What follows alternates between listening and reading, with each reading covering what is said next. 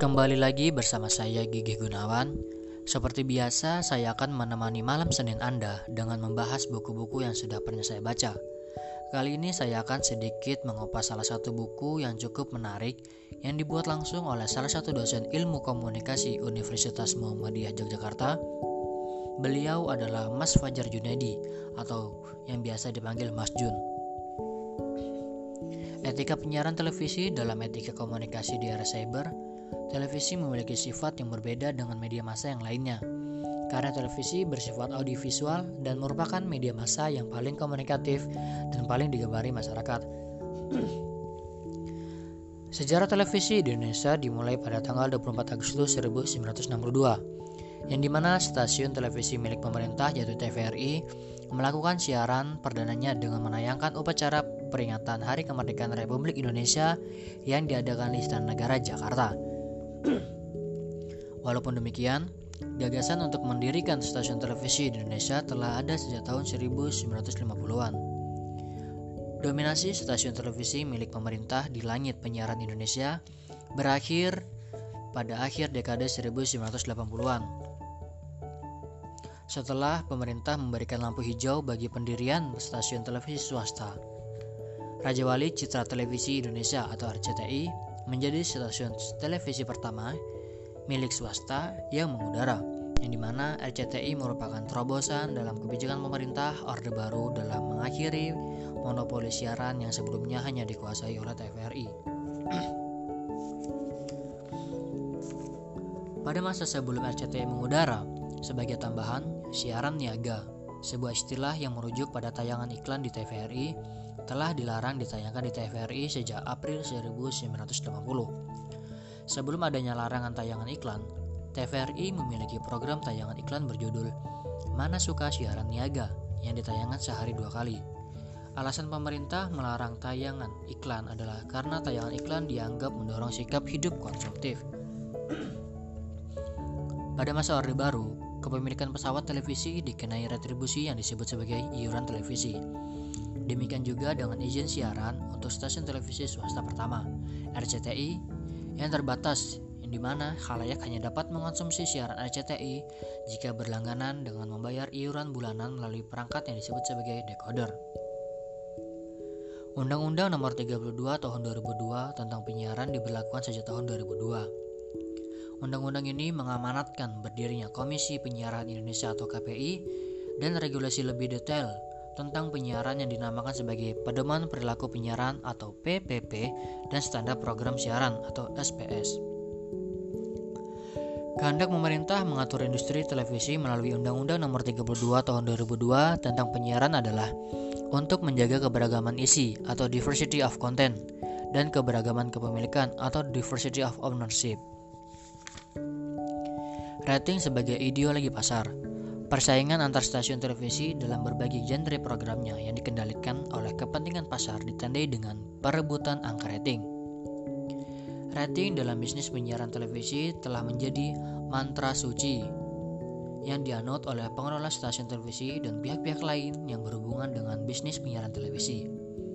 Biro iklan menggunakan angka rating untuk menentukan penempatan iklan yang mereka tangani, dengan harapan iklan yang mereka tayangkan akan ditonton oleh lebih banyak halayak. Kompetisi memperebutkan rating terjadi dalam dua arah. Yang pertama yaitu persaingan dengan stasiun televisi lain, dan yang kedua bersaing dengan sesama unit produksi di stasiun televisi yang sama. Program acara yang laku dijual adalah program yang ratingnya tinggi. Akibatnya, kemudian jika ada program acara yang sedang tinggi angka ratingnya, stasiun televisi lain akan segera menciptakan cloning program acara tersebut.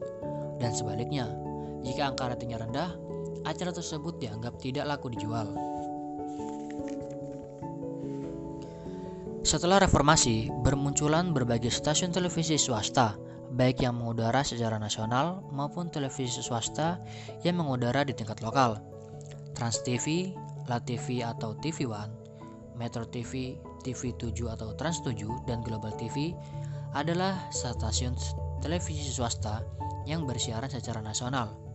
Di daerah, muncullah JTV yang mengudara di Jawa Timur, Bali TV di Bali, Jogja TV di Yogyakarta, Borobudur TV di Semarang, dan beberapa stasiun televisi swasta di daerah lainnya.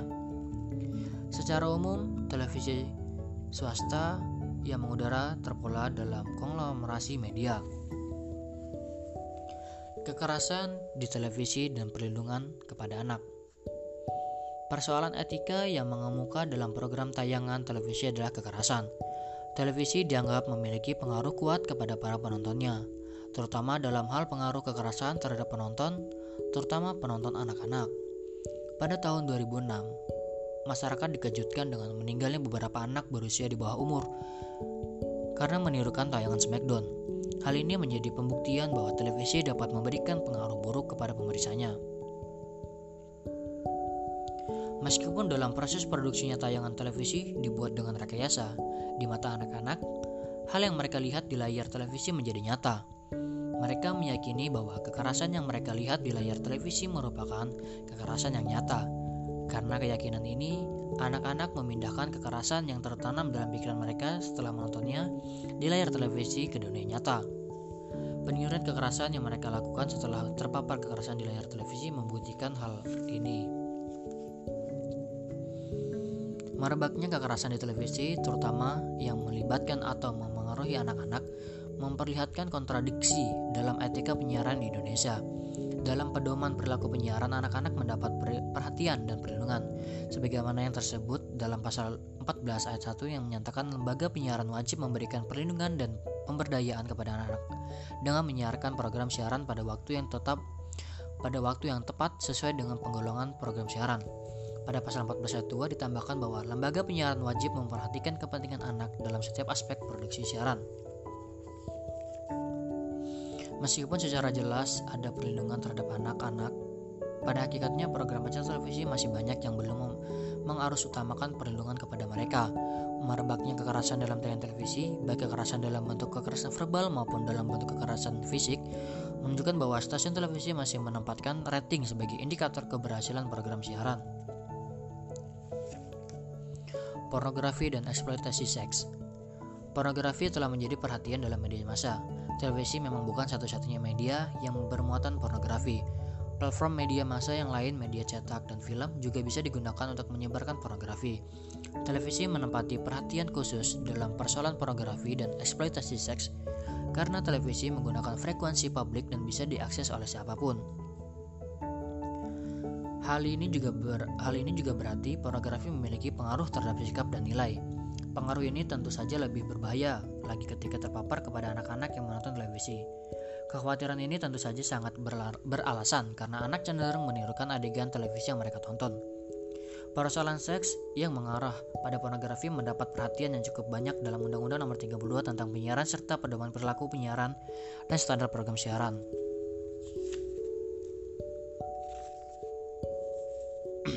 Berdasarkan kasus yang menimpa Tavana Dewi, secara etis stasiun televisi bisa mencegah terjadinya insiden serupa dengan melakukan swak kontrol di ruang master kontrol. Secara, secara teknis, ini bisa dilakukan dengan menunda tayangan langsung atau delay selama beberapa menit di, di master kontrol sebelum dipancar tayangkan secara langsung untuk memberikan kesempatan kepada produser memilih gambar yang layak tayang.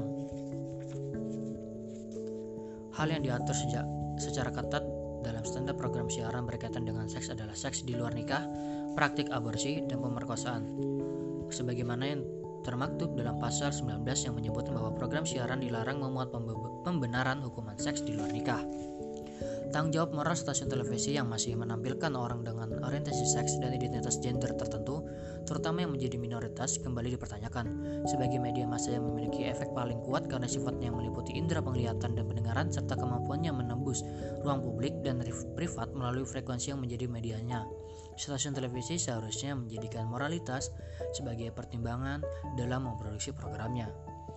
Demikianlah pembahasan singkat mengenai etika penyiaran televisi dalam etika komunikasi di era cyber. Terima kasih untuk Anda yang telah mendengarkan dan semoga bermanfaat dan selamat malam.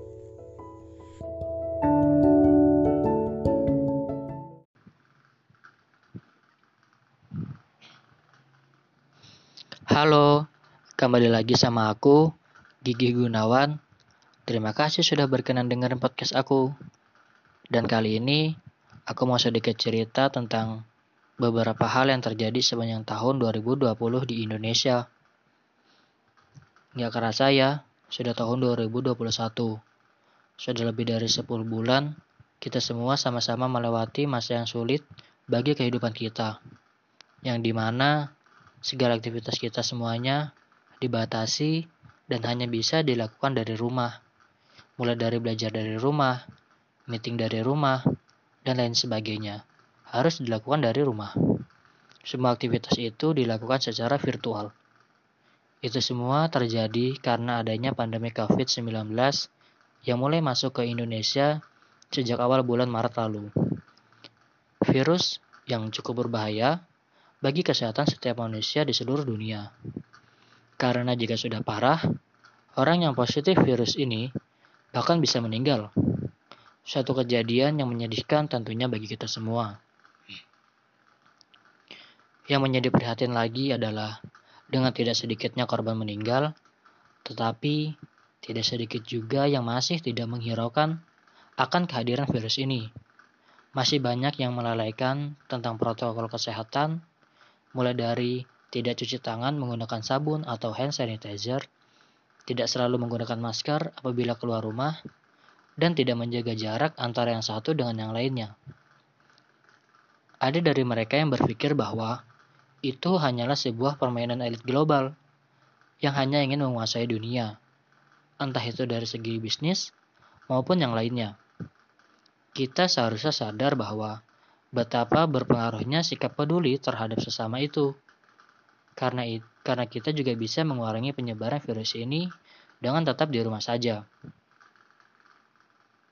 Perlu diingat, segala sesuatu itu pasti ada sisi positif dan sisi negatifnya kita tidak perlu terlalu fokus pada sisi negatifnya, karena itu justru akan membuat imun dalam tubuh kita menjadi lemah. Jadi, lebih baik kita fokus pada sisi positifnya, yaitu kita lebih banyak memiliki waktu berkumpul bersama keluarga dan juga kita dituntut untuk lebih peduli terhadap pola hidup sehat.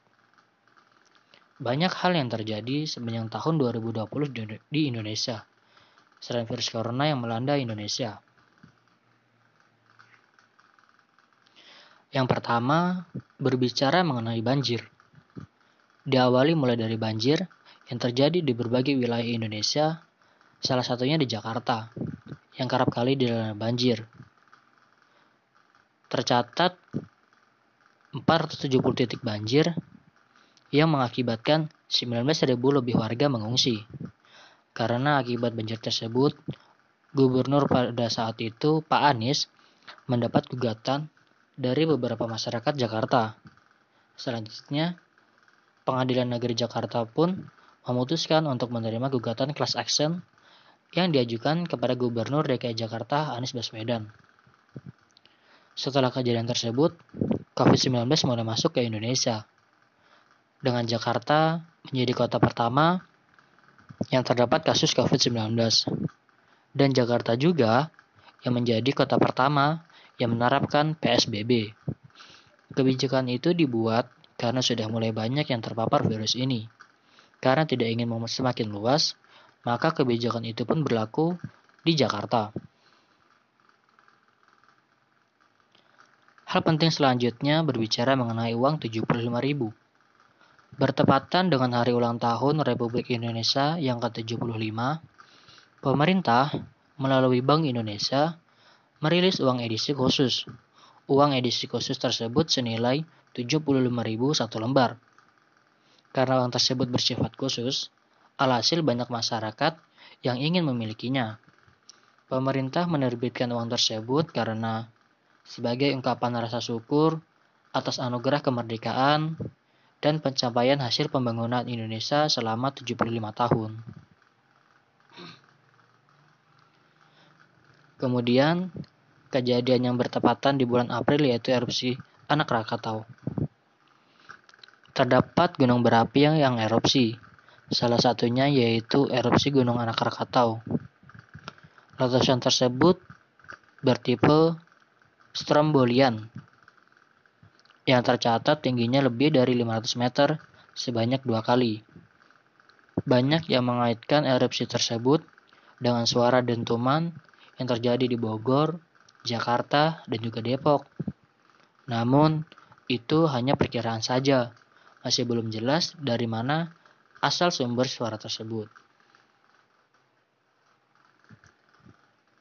Selanjutnya, kejadian yang sangat memprihatinkan mengenai korupsi bansos.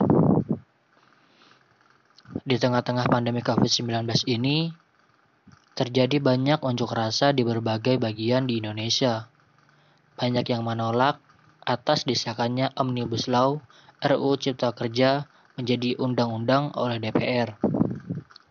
Karena mereka beranggapan bahwa undang-undang tersebut banyak merugikan masyarakat kalangan bawah dan justru menguntungkan orang-orang kalangan atas ataupun para investor besar mulai dari masyarakat biasa, kelompok buruh, pelajar, dan juga mahasiswa melakukan unjuk rasa untuk berusaha membatalkan undang-undang tersebut guna membela orang-orang menengah ke bawah.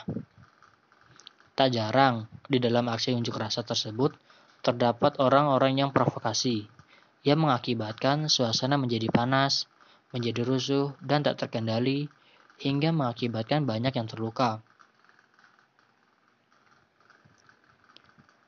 Setelah pandemi COVID-19 ini muncul, memberi dampak hingga hampir segala sektor terganggu, bahkan mengalami penurunan.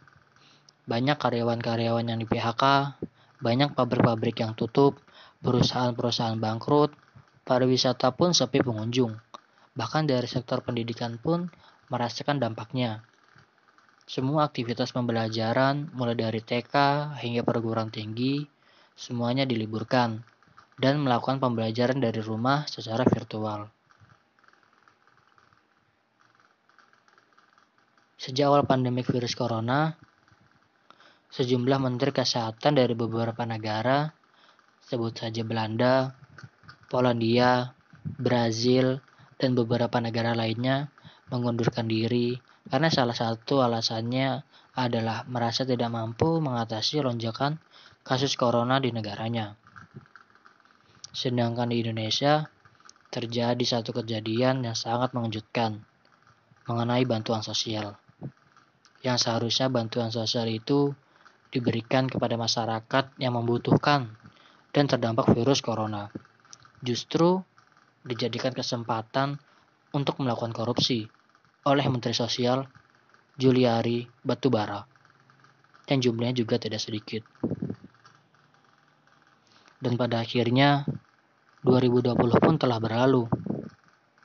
Kini di tahun 2021 kita berharap apa yang menjadi lawan manusia di seluruh dunia yaitu COVID-19 akan segera punah dan kita dapat beraktivitas kembali seperti semula tanpa dibayang-bayangi rasa takut lagi. Jadi, itu tadi beberapa hal yang terjadi selama tahun 2020. Oke, begitu dulu dari aku. Terima kasih.